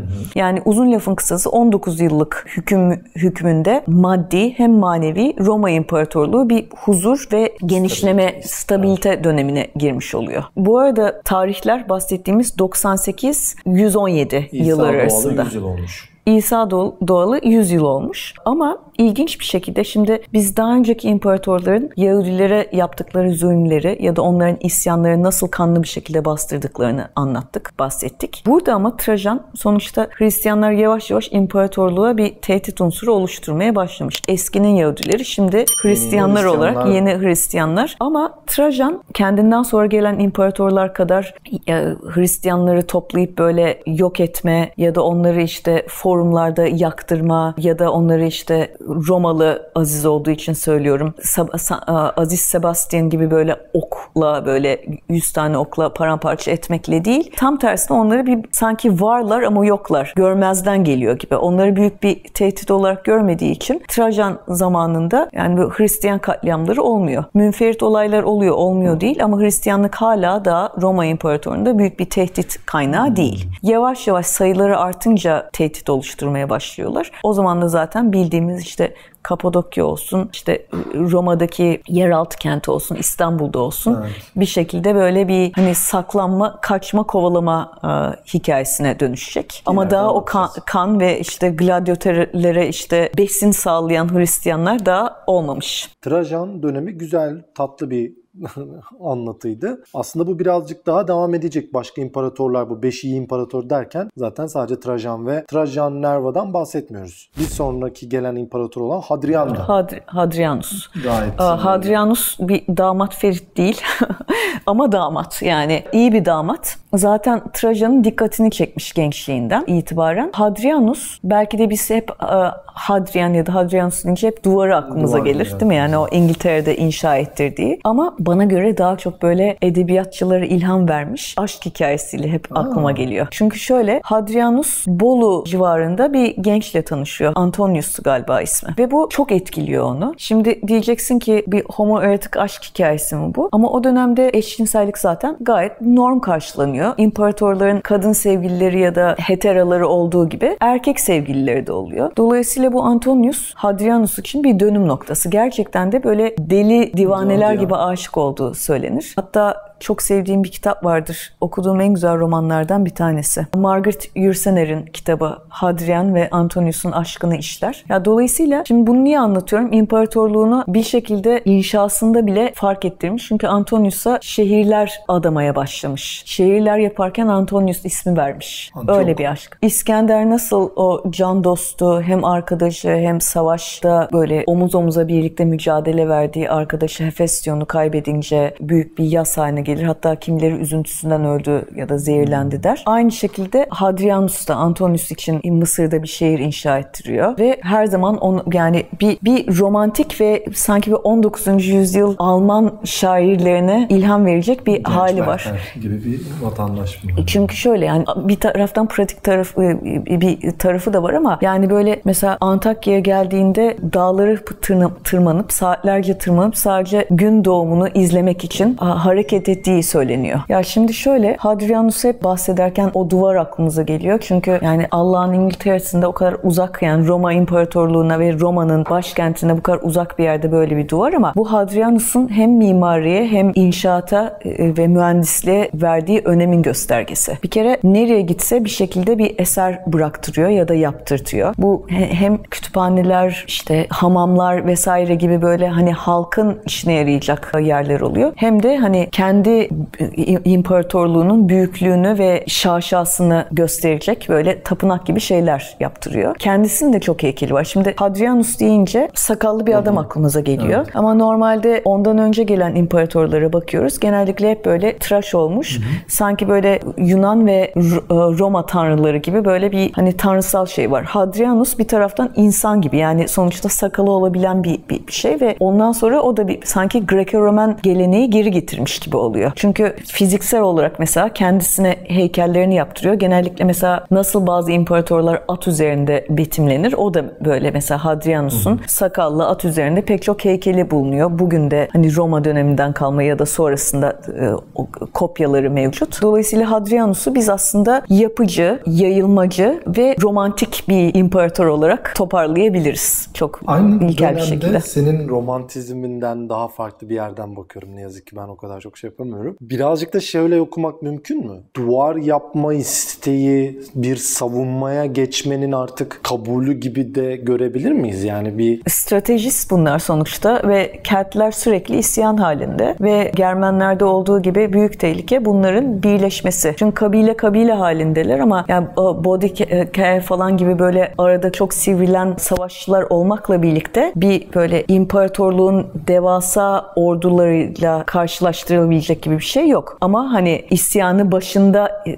bitirmek ve duvar ve benzeri şeyleri inşa ederek insanları bir yere sıkıştırmak. Adadan bahsediyoruz ve bir adada duvar demek aslında onları oraya hapsetmek demek. Evet. Dolayısıyla evet o açıdan %100 haklısın. Bir askeri stratejist gibi her şeyi okuyor ve ona göre bu inşaatları ve yapımları, yap, yapıları yaptırtıyor. Yakında bizim çok sık karşılaşacağımız Roma'yı yıkıma götürecek olan tehlikenin yavaş yavaş artık oturmaya başladığı bir dönem gibi de okuyabiliyoruz o zaman. Sonrasında Hadrian'ın çok daha benim sevdiğim zaten tarihe de kendi ismini kitabıyla da bırakmış bir isim var. Marcus, Marcus Aurelius. Aurelius. Benim de yani Roma imparatorları arasında herhalde en sevdiklerimden bir tanesidir. Platon görse o da çok severdi herhalde. Evet diyelim. çünkü tam bir filozof kral. Yani o Eflatun'un devletinde tarif ettiği herhalde felsefeci kral modeline en yakın bu. Hem sadece kendisi felsefe yapmıyor aynı zamanda Stoa felsefesini benimseyip ona göre yaşayan evet. bir imparator. Yani kendi ordularıyla birlikte yatıp kalkan aynı yerde işte yemek kuyruğuna girebilen, olabildiğince hayatı basitleştirmeye ve sadeleştirmeye çalışan, o daha önceki imparatorlar gibi şaşa içinde boğul olmayan, hakikaten yazdığı gibi yaşayan ve yaşadığı gibi yazan bir imparatordan bahsediyoruz. Belki de Roma'daki tek felsefeci kral olabilir. Dediğimiz gibi bir felsefeci kral ve yaptığı tüm hamleler aslında arkasında bir düşünce var. Hiçbir şey boş boşuna yapmıyor. Annesi zamanın en zengin e, kadınlarından. Dolayısıyla çok iyi bir eğitim alıyor. Hı hı. Çok iyi bir aslında şey var, altyapısı var. Dolayısıyla 17 yaşında da a, a, imparatorluğa onun önüne tepsiyle sunulduğunda, verildiğinde çok şey vaat ediyor. Ama 40 yaşına kadar çok fazla bir şey yapamıyor. 40 yaşından sonra artık ipleri kendi elinde tutunca o hayal ettiği imparatorluk, düşünce, mimari, sanat, bilim, astrofiziğe kadar pek çok ilgi alanı var. Bunları kullanarak, bilgi edinerek, bilgiyi çoğaltarak bir, bir şekilde e, müstesna bir imparatorluk sayfası açmış oluyor. Marcus Aurelius bir kere cephede yer alıyor. Yani böyle oturup da fil dişi kulesinde felsefeler yapmıyor. Ve meditasyonlarından da bildiğimiz üzere ki aforizmaları e, e, diyebiliriz evet, meditasyonlara. Bizlere yüzyıllar sonrasında akıl veriyor ve bu akıllar genellikle yani çok ilkel bir şekilde toparlayacağım. Çünkü burada yani sadece meditasyonlar üzerine bile bir program yapılabilir. Evet.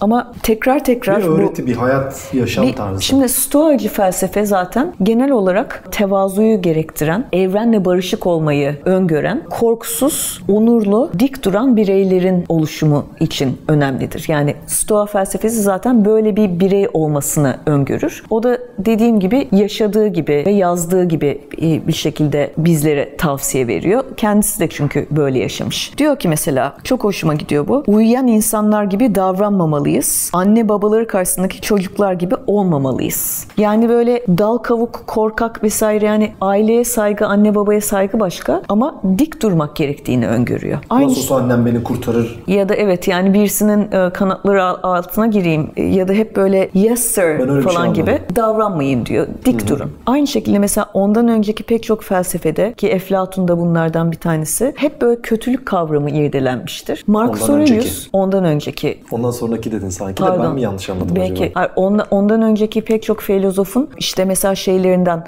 iyilik ve kötülük kavramı. Daha sonra Saint Augustine'da da göreceğimiz işte bu Hristiyanlık evet, döneminde de gördüğümüz hep hani günah meselesi. Marcus Aurelius çok rahat davranıyor bu anlamda. Diyor ki evet iyilik olduğu gibi kötülük de var ama bundan bu kadar korkmaya gerek yok. Sonuç itibariyle her şey olması gerektiği gibi olur. Dolayısıyla siz hayatınızı korku içinde, paranoyak bir şekilde geçirmeyin. Evet. Şimdi bütün bu öğretileri ya da meditasyonları bize geçmiş imparatorların hatalarından sanki ders gibi geliyor. Çünkü daha önce nasıl böyle paranoyak bir şekilde sürekli herkesi öldüren bir imparator varsa Marcus Aurelius tam tersine çok kendine güvenen, bildiği gibi yürüyen ve yavaş yavaş yavaş imparatorluğu aslında pek çok tehdide rağmen, pek çok cephede aynı zamanda savaşmasına rağmen gayet böyle hani istikrarlı ve kararlı giden bir imparator portresi çiziyor. Bazı sözleri var ki gerçekten de ben hala bahsettiğimiz yıllar 130-150 falan mı acaba? 140, 145, 161'de konsül ama cepheye hep nasıl Atatürk kitap götürüyorsa o da her yere nereye gidiyorsa okuyacak bir şeyler götürdüğünü ve sürekli yazdığı söyleniyor. Dolayısıyla bu meditasyonları imparatorluktaki savaşların istikametiyle savaş onu nereye götürürse götürüyor. Cephede yer alıyor ama cephede de yazı yazmaya devam ediyor. Hmm. Mesela demin onu korkusuzluktan bir şeyi başarmak sana zor geliyorsa hemen onun insan kapasitesini aşan bir şey olduğunu düşünme. Aksine bir şey mümkünse ve insanlara uygunsa bunun senin için de geçerli olduğunu düşün. Çok basit, pragmatik e, şeyler bunlar.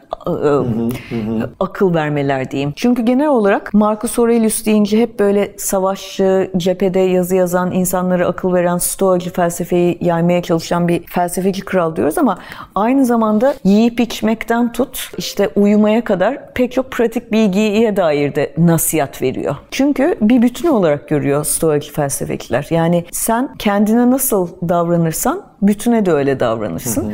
Dolayısıyla saygı çok önemli, istikrar çok önemli, kendine güven ve korkusuzluk çok önemli. Marcus Aurelius'un öngördüğü başka bir imparator varken onun bir yanlış bilgiden ötürü Marcus Aurelius'un öldüğünü düşünmesi, kendisini imparator ilan etmesi bu yüzden de aslında Tehdit gerçekte olarak öyle Marcus Aurelius'un ölmediğini öğrenince trajik sonla hayatına son verilmiş olması gerçeği var. Aslında Commodus'u gerçekten de veliaht olarak düşünmediği söyleniyor söyleniyor Marcus Aurelius'un.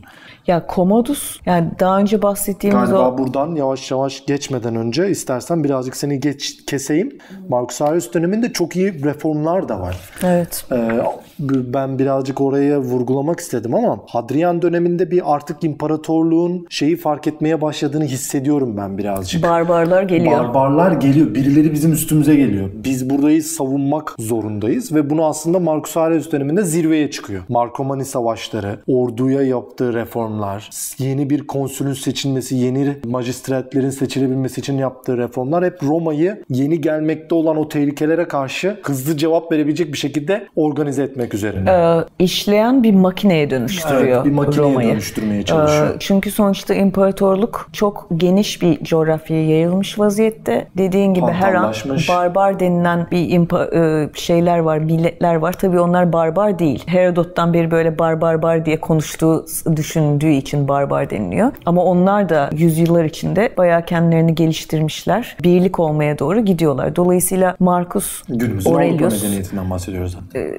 Evet yani bütün işte Fransızların, Almanların vesaire, vesaire atalarından bahsediyoruz. Bunlar da sonuç itibariyle imparatorluğun sınırında değil bir fiil içindeler. Yani sürekli bir zaten bir çarpışma halinde oldukları için Marcus Aurelius da çok stratejiyi iyi bilen, bilime iyi bilen, matematiğe önem veren bir imparator olduğu için bu reformları, işte inşaatları ve bu hukuk sistemini güçlendirmek için yaptığı hamleleri boşuna yapmıyor.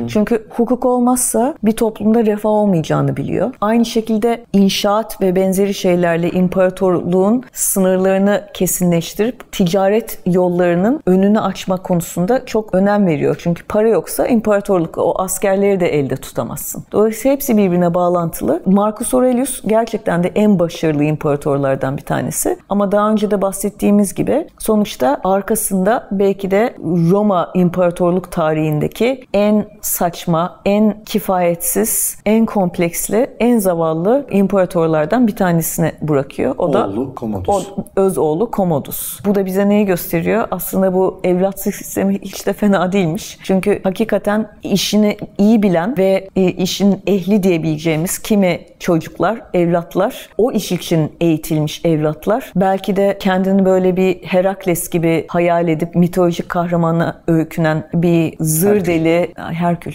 pardon. Ya, Herkül'e öykünen ve böyle direkt kendi mitolojik boyutlara taşıyan bir megalomanla baş başa bırakıyor Bir dipnot imparatorluğu. vereyim. Gladiator'daki pis adam Commodus aslında. Çok böyle gladyatör kendi filmdeki e, gibi gerçekten de savaş gladyatör O da savaşlarına falan Joaquin da Phoenix mi katılıyormuş. oynamıştı? Evet Joaquin? Phoenix'in yavaş yavaş artık nereye varacağını görmeye başladığımız çok iyi bir oyunculuk gerçekten o dönemde de. Yani diğeri Russell Crowe'un yanında bence çok daha başarılı bir oyunculuk. Bence de her zaman zaten o tuhaf sevmişimdir rollerin adamı olduğu Evet. için hep böyle Joker'e kadar e, gelen bir yolculukta en sinir bozucu karakterleri seçme konusunda üstüne yok. Evet, evet, evet. Marcus Aurelius'un ilginç yönlerinden bir tanesi de Roma İmparatorluğu'nda daha hiç olmadığı gibi bir şey yapıyor. Onun öz kardeşi Lucius Verus diye bir karakter var. Şimdi dediğim gibi Marcus Aurelius sürekli cephelerde. Asker gibi yaşıyor, asker gibi de ölüyor. Ama kardeşine tüm yetkileri veriyor. Dolayısıyla imparatorluk o triumvirlik dönemindeki gibi zoraki bir şekilde değil, imparator başında olamayacağı için tüm yetkilerini ve gücünü kardeşine de teslim ediyor. Dolayısıyla ilk defa imparatorluk ikiye bölünmüş oluyor. Ve hani e, bu, bu isteyerek ben bu başında duramayacaksam güvendiğim birisi aynı zamanda dursun ve aynı yetkilere sahip olsun diyor. Dolayısıyla da- böyle bu benim tahtım kimse el süremez gibi bir modda değil. Tam tersine önemli olan imparatorluğun devamı ve bu reformların akışı. Dolayısıyla kardeşi kardeşi Roma'dayken mesela o cephede yer alabiliyor. Ama bütün hanedanlığı boyunca değil. Bir yerde ölüyordu diye hatırlıyorum ben Verus. Vampir değil. Ee, Yani- Ama bu bir de şey gibi de bir artık okumada yapılabilir herhalde. Hani yetmiyor. Bir imparator. bir kişi yetmiyor. Bir kişi yetmiyor. Artık çok büyük bir imparatorluk bu ve Bir, gelecekte de birileri zaten hani birileri askeri cephedeyse sivillere bakacak ve sivil reformlara bakacak ya da hayatı döndürecek birilerinin olması lazım. Dolayısıyla imparatorluğu daha sonra nasıl Doğu Roma, Batı Roma diye bölünüyorsa ister istemez. Burada da bir şekilde birisi sivil işleri idare ederken öbürü de cepheden e, bir şekilde imparatorluğun sınırlarını korumaya çalışıyor. Marcus Aurelius zaten hani sadece bir felsefeci kral değil aynı zamanda şu açıdan bence önemli bir uygulayıcı. Yani kendinden önce mesela yapılan yasaları uygulatmakta çok ehil. Çünkü daha önce mesela hani çok e, yasalar yapan işte Julius Caesar gibi matematiksel olarak takvimler yaptıran, başkaları gibi Augustus gibi şehir inşa ettiren değil, mevcut iyileri optimum düzeyde devam ettirecek ve bunun bir şekilde yürüdüğünü, aktığını sağlayacak bir adam. O açıdan da bence diğerlerinden farklı çünkü ben yaptım değilsi değil. Daha önce iyi bir şey varsa onu devam ettiriyor. Çünkü onun için önemli olan olan imparatorlukta Devamlı da sağlamak. devamlılığı sağlamak ve huzur ve kavga kaçınılmazsa edilmesi gerekiyor diyor ama gereksiz hiçbir şey yapmıyor. Ama tam tersini biz Commodus'ta görüyoruz maalesef.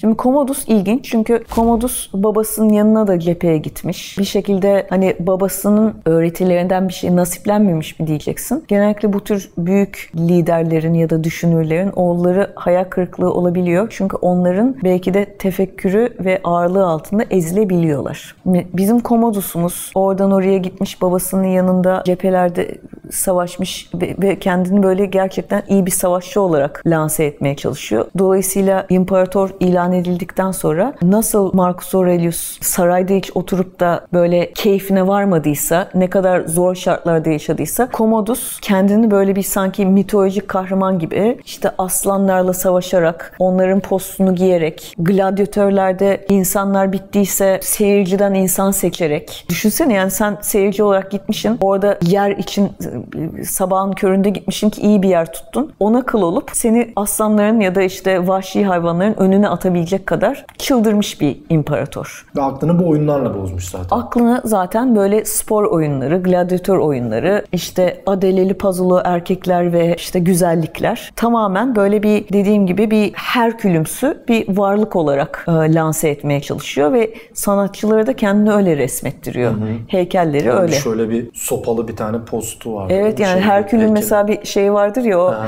hani e, Flintstones'daki evet. gibi. Aynen öyle. öyle bir bastonla ortalığa çıkıyor. Evet. Ayı postları, aslan postları giyiyor. Yani mesela Büyük İskender de aslan postu giyermiş, aslan avına çıkarmış ama bu artık böyle hayat biçimi olarak bunu yani böyle gidiyor bir yere istila ediyor ondan sonra işte bir olimpiyat oyunu misali hani Büyük İskender gibi bir alt ettiği hükümdarlarla birlikte diplomatik bir şey yapıp spor yapıp hı hı ava katılmıyor. Bu arada böyle yaptım çünkü avın bir spor olduğuna inanmıyorum. Aa, ama aa, kimileri evet maalesef hani İngiliz kraliyet ailesi.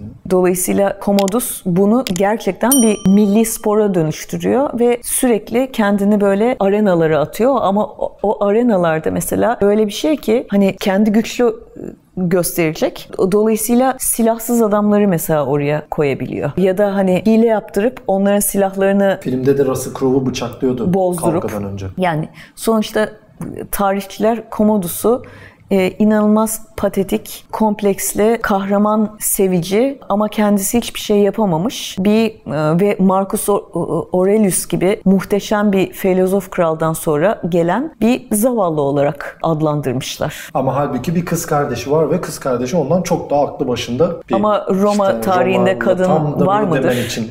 Roma tarihinde perdenin arkasında güçlü kadınlar olmuştur Bizans'ta olduğu gibi. Hı-hı. Kendinden sonra gelen Doğu, e, Doğu Bizans, e, Roma'da. Ama hep perde arkasında olmak durumunda kalıyorlar. Bu kız da sonuçta bir tehdit unsuru olmuş oluyor. Çünkü hem çok aklı başında hem de... Marcia herhalde kız kardeşine komplosunu anlatalım istersen. Başka Olur. bir kadın da artık bu manyağı... Metresi de Marsilya'da, Marsilya'da. Ya şimdi sonuçta bu kadar çıldıran, güçler ayrılığını yok eden ve kendine tek ve yeni imparator olarak şehrin ismini, forumların ismini bile değiştirmeye başlayan bir adam. Tabii ki halk tarafından da, senato tarafından da, ordu tarafından da bir şekilde kontrol edilmesi gerektiğini düşünüyor. Zaten ilk başta kız kardeşi Marcus Aurelius tarafından büyük bir ihtimal tarih tarihçiler öyle düşünüyorlar. Tabii ki kadın imparatoriç olamaz ama imparatorun arkasındaki e, belki de gölge güç olarak ona verileceğini düşünürken Commodus oluyor. Kız kardeşi ve eşi ona karşı bir komplo düzenliyorlar. Bu sürekli e, arenaya gidiyor ya gladyatör şeyleri, müsabakalarını izlemek için. Yine oraya girerken arenanın orada bir yerde onu bıçaklamaya çalışıyorlar ama komplo başarısız oluyor ve böylelikle Commodus gittikçe daha da psikopatlaşıyor, tabii, psikopatlaşıyor ve daha da sertleşiyor. İşte bu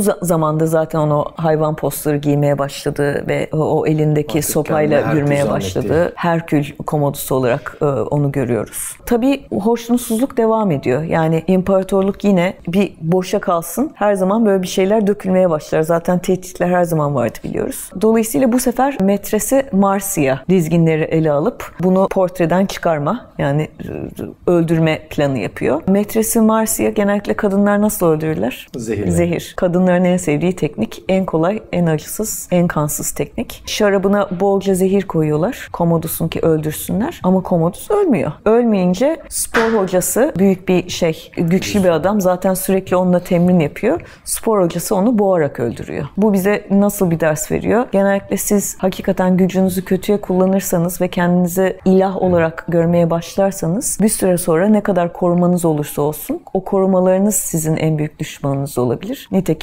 spor hocası da sürekli yanında yer alan bir adam ve çok sevdiği metresi de keza öyle. En yakınındakiler onun sonunu getirmiş oluyorlar. Biz şimdi burada kapatıyoruz aslında imparatorlar çağını. Aslında daha fazla imparatoru var. Çok var. 300-400 yıla yakın sürecek dönemde 50'den 100 arası imparator görecek Roma. Ama biz burada kesmemizin nedenlerinden bir tanesi artık Roma'yı yavaştan yıkılmak üzere olan bir imparatorluk olarak görmeye başlayabiliriz. Artık- Her ne kadar direnmeye devam edecek olsa da artık aktörü değiştireceğiz ve imparatorlar Roma değil, onun yıkımına neden olacak barbarlar tırnak içinde olarak biz e, anlatmaya devam edeceğiz. Komodus'u da şöyle ben belki bir anekdot şey yapmak istiyorum.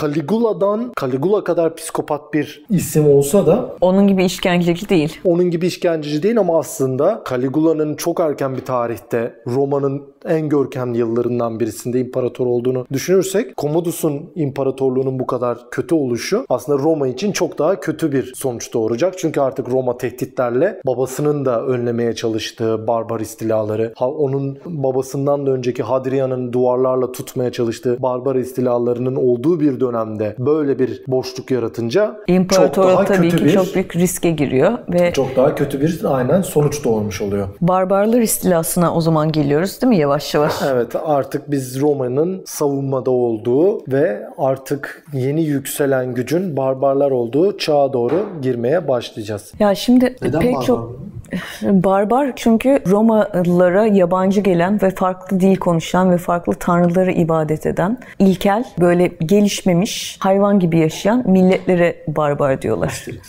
Ee, Asterix tayfası. En sevdiğim tayfa aslında bunlar.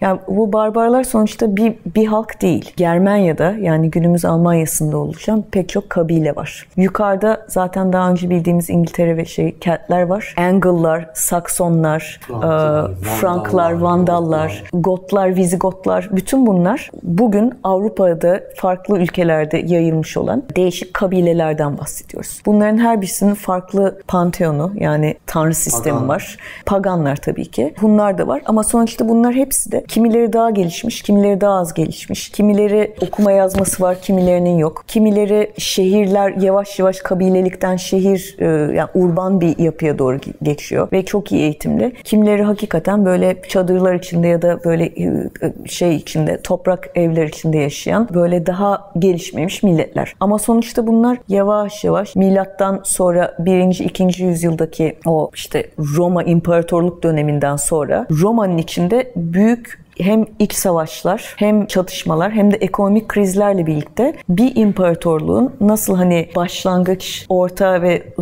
ı, şey dönemi vardır, düşüş dönemi vardır. Evet bu, bu düşüş dönemine tekabül ediyor barbarların istilası dediğimiz zaman. Çünkü aslında Roma eski o Augustus çağındaki bir güçlü olsa ve barbarlardan dahi asker satın al- alabiliyor olsa belki barbarlar bu kadar büyük bir tehdit teşkil etmez. Heyhat öyle bir hale gel- geliyor ki imparatorluk kendi harcamalarını finanse edemez hale geliyor. E, dediğimiz gibi zaten en son Commodus'ta bırakmıştı. Commodus'tan sonra onlarca imparatorlar var. İyili kötülü, bazısı daha iyi, Bazısı bazısı daha iyi kötü. Aa, Bazısı hatta hani Germen asıllı imparatorlar bile var. Ama sonuçta ne oluyor? İmparatorluk bu büyük mekanizmayı taşıyamaz hale geliyor. Kendini finanse edemez hale geliyor. Mesela kimi yerlerde isyan çıktığı için vergi alamıyor. Kimi yerlerde çok mesela fazla vergi koyuyor. Bu sefer ters tepiyor. Haya- halk ayaklanıp imparatorluktan kopuyor. Dolayısıyla hani eşyanın doğası bu kadar büyük bir mekanizmayı taşıyacak durumda kalmıyor Roma İmparatorluğu. Bu kabileler de yavaş yavaş kendi aralarında müttefiklikler kurup ya da kendi aralarında birleştikçe daha da büyük tehdit olmuş oluyorlar Roma İmparatorluğu'na. O yüzden de yani şimdi tabii ki Ama bunlar yok muydu daha önce? Neden? vardı. Kaç yüzyıllar boyunca oradaydılar. Ama genellikle birbirinden kopuk oldular. Ve kendi aralarında da savuşuyorlar bu arada. Şeyi de anlatmak lazım herhalde. Var mıydı metinde ben göremedim de. Bunlar bir geliyorlar çünkü böyle bir. E, geliyorlar Roma'yı şey yapıyorlar. Akın akın işgal, geliyorlar. Evet işgal Doğru, ediyorlar doğru. bir sürü. Akın akın geliyorlar. Bu insanlar tabii ki daha önceden varlardı. Ama bir süre sonra bir popülasyon artımı oluyor. Gerçekten de çünkü daha önce böyle münferit, dağınık ve birbiriyle müttefiklik yapmayan güçler olarak görürken birdenbire kendi aralarında bir böyle güçler birliği yapıp Roma'ya çok daha büyük bir tehdit olarak karşılarına çıkıyorlar ve kaç defa hani ya Roma'yı ya civar kentleri ıslah etmek için yola koyuluyorlar. En sonunda tabii yani işte böyle bir 50 yıllık geldi gelecek geldi gelecek döneminden sonra Roma düşüyor. Yani Batı Roma bildiğimiz Batı Roma düşmüş oluyor. Nasıl düşüyor? Hani bir günde olmuyor bu tabii ki. Ama artık yani şehir haraba haline gelmeye yüz tutmuş. Ekonomik anlamda çökmüş. Son derece kifayetsiz ve hani imparator olmayı hak etmeyen imparatorlar e, tarafından savsaklayınca öbür tarafta gittikçe güçlenip e, birlik olmayı öğrenince çünkü hani daha önceki taktik neydi? Machiavelli'nin hepimize çok iyi öğrettiği gibi böl ve yönet. E, Dolayısıyla Romalılar bunu çok iyi bildiği için hani orta çağlarda da Rönesans'ta da bu işte milattan sonraki ilk yüzyıllarda da bunları birbirlerine karşı oynamayı becerebiliyorlardı. Ama bundan sonra kendileri de zaten kifayetsiz oldukları için bunlar güçlendikçe güçlendikçe Voltran'ı oluşturuyorlar ve en sonunda dediğim gibi Roma istila edilmiş oluyor. Odoaker miydi? Doğru mu Evet o şey e, barbar ve e, şey güya Germen Evet. Bir Feodorati diye bir grup bunlar aslında. Yani çünkü Odoaker aslında bir Roma generali. ama Çünkü geçmişinde şeyden gelmiyor muydu? ya, evet bir Galyalı şey Cermen kesinlikle. Ostrogot galiba yanlış hatırlamıyorsam ya da Visigot. Ama şöyle bir olay var. Yani Roma artık bir noktada bunları kendi içinde eritmeye başlıyor. Gelenleri vatandaşlığa kabul etmek zorunda kalıyor. Gelenleri bir yerlere yerleştirmek zorunda kalıyor. Ordusuna bile alıyor. Ordusuna bile alıyor. Feodorati dediğimiz bir grup askeri birim oluşturuluyor. Bunlar o Roma tarafından para verilen, Roma tarafından istihdam edilen Bir nevi Germenler. Paralı asker gibi bir grup haline geliyorlar ama artık bir bir noktada bunların parasını bile ödeyemeyecek hale, Hale gelmiş geliyorlar. bir Roma olduğu için. Odoaker de zaten kendi parası ödenmediği için gidip İsyanı- Roma'yı sonlandırıyor. Yani artık şey gibi değil yani. Bin yıllık imparatorluğu sonlandıran o yüce Odoaker ben olayım gibi bir iddiası yok. Hatta zaten devamını devam ettirdiğini iddia ediyor. Ben diyor artık Roma imparatoruyum diyor ama tabii tarihçiler Batı Roma, olarak biz Batı evet, Roma'yı böyle e, bitti diye böyle kabul bitti diye ediyoruz. kabul ediyoruz. O da hatta Augustinus gibi bir en Titre son- alıyor. Evet, son bir Roma şeyi var, imparatoru var. Ondan sonra artık kendisi de öyle şeyler Ya tabii tabii, kendisine kendisi de- tak- takıyor. zaten daha önce de konuşmuştuk hani Fatih Sultan Mehmet'inden Rus çarlarına kadar sürekli bir şey arayışı devam edecek. Roma'nın devamı benim. Kaiser benim. Evet. Ee, Kutsal Roma tabii Kutsal İmparatorluğu. Roma İmparatorluğu benim Keza. diyecek. Doğu Roma o eski Roma'nın şeyini ben sağlayıcı, sağlıyorum demeye çalışacak ama artık biz o eski Marcus Aurelius'ların olduğu Roma'nın asla geri dönmeyeceğini göreceğiz. Biliyoruz Tarih boyunca.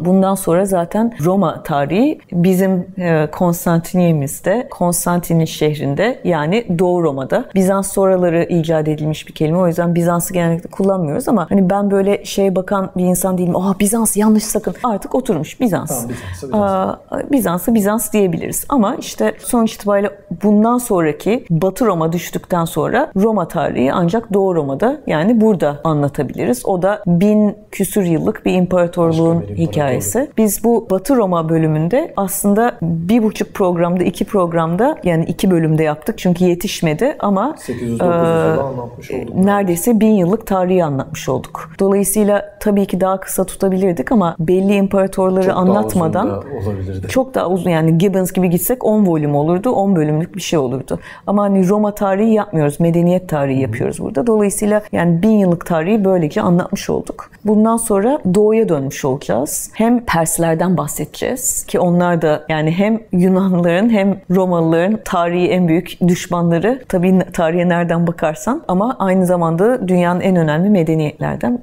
medeniyetlerinden bir tanesi. Çok teşekkür ediyorum. Ben teşekkür ederim. Senin için- gibi bir e. Roma meftunu insanın karşısında oturduğum için çok şanslıyım. Bir mukabele. Güzel.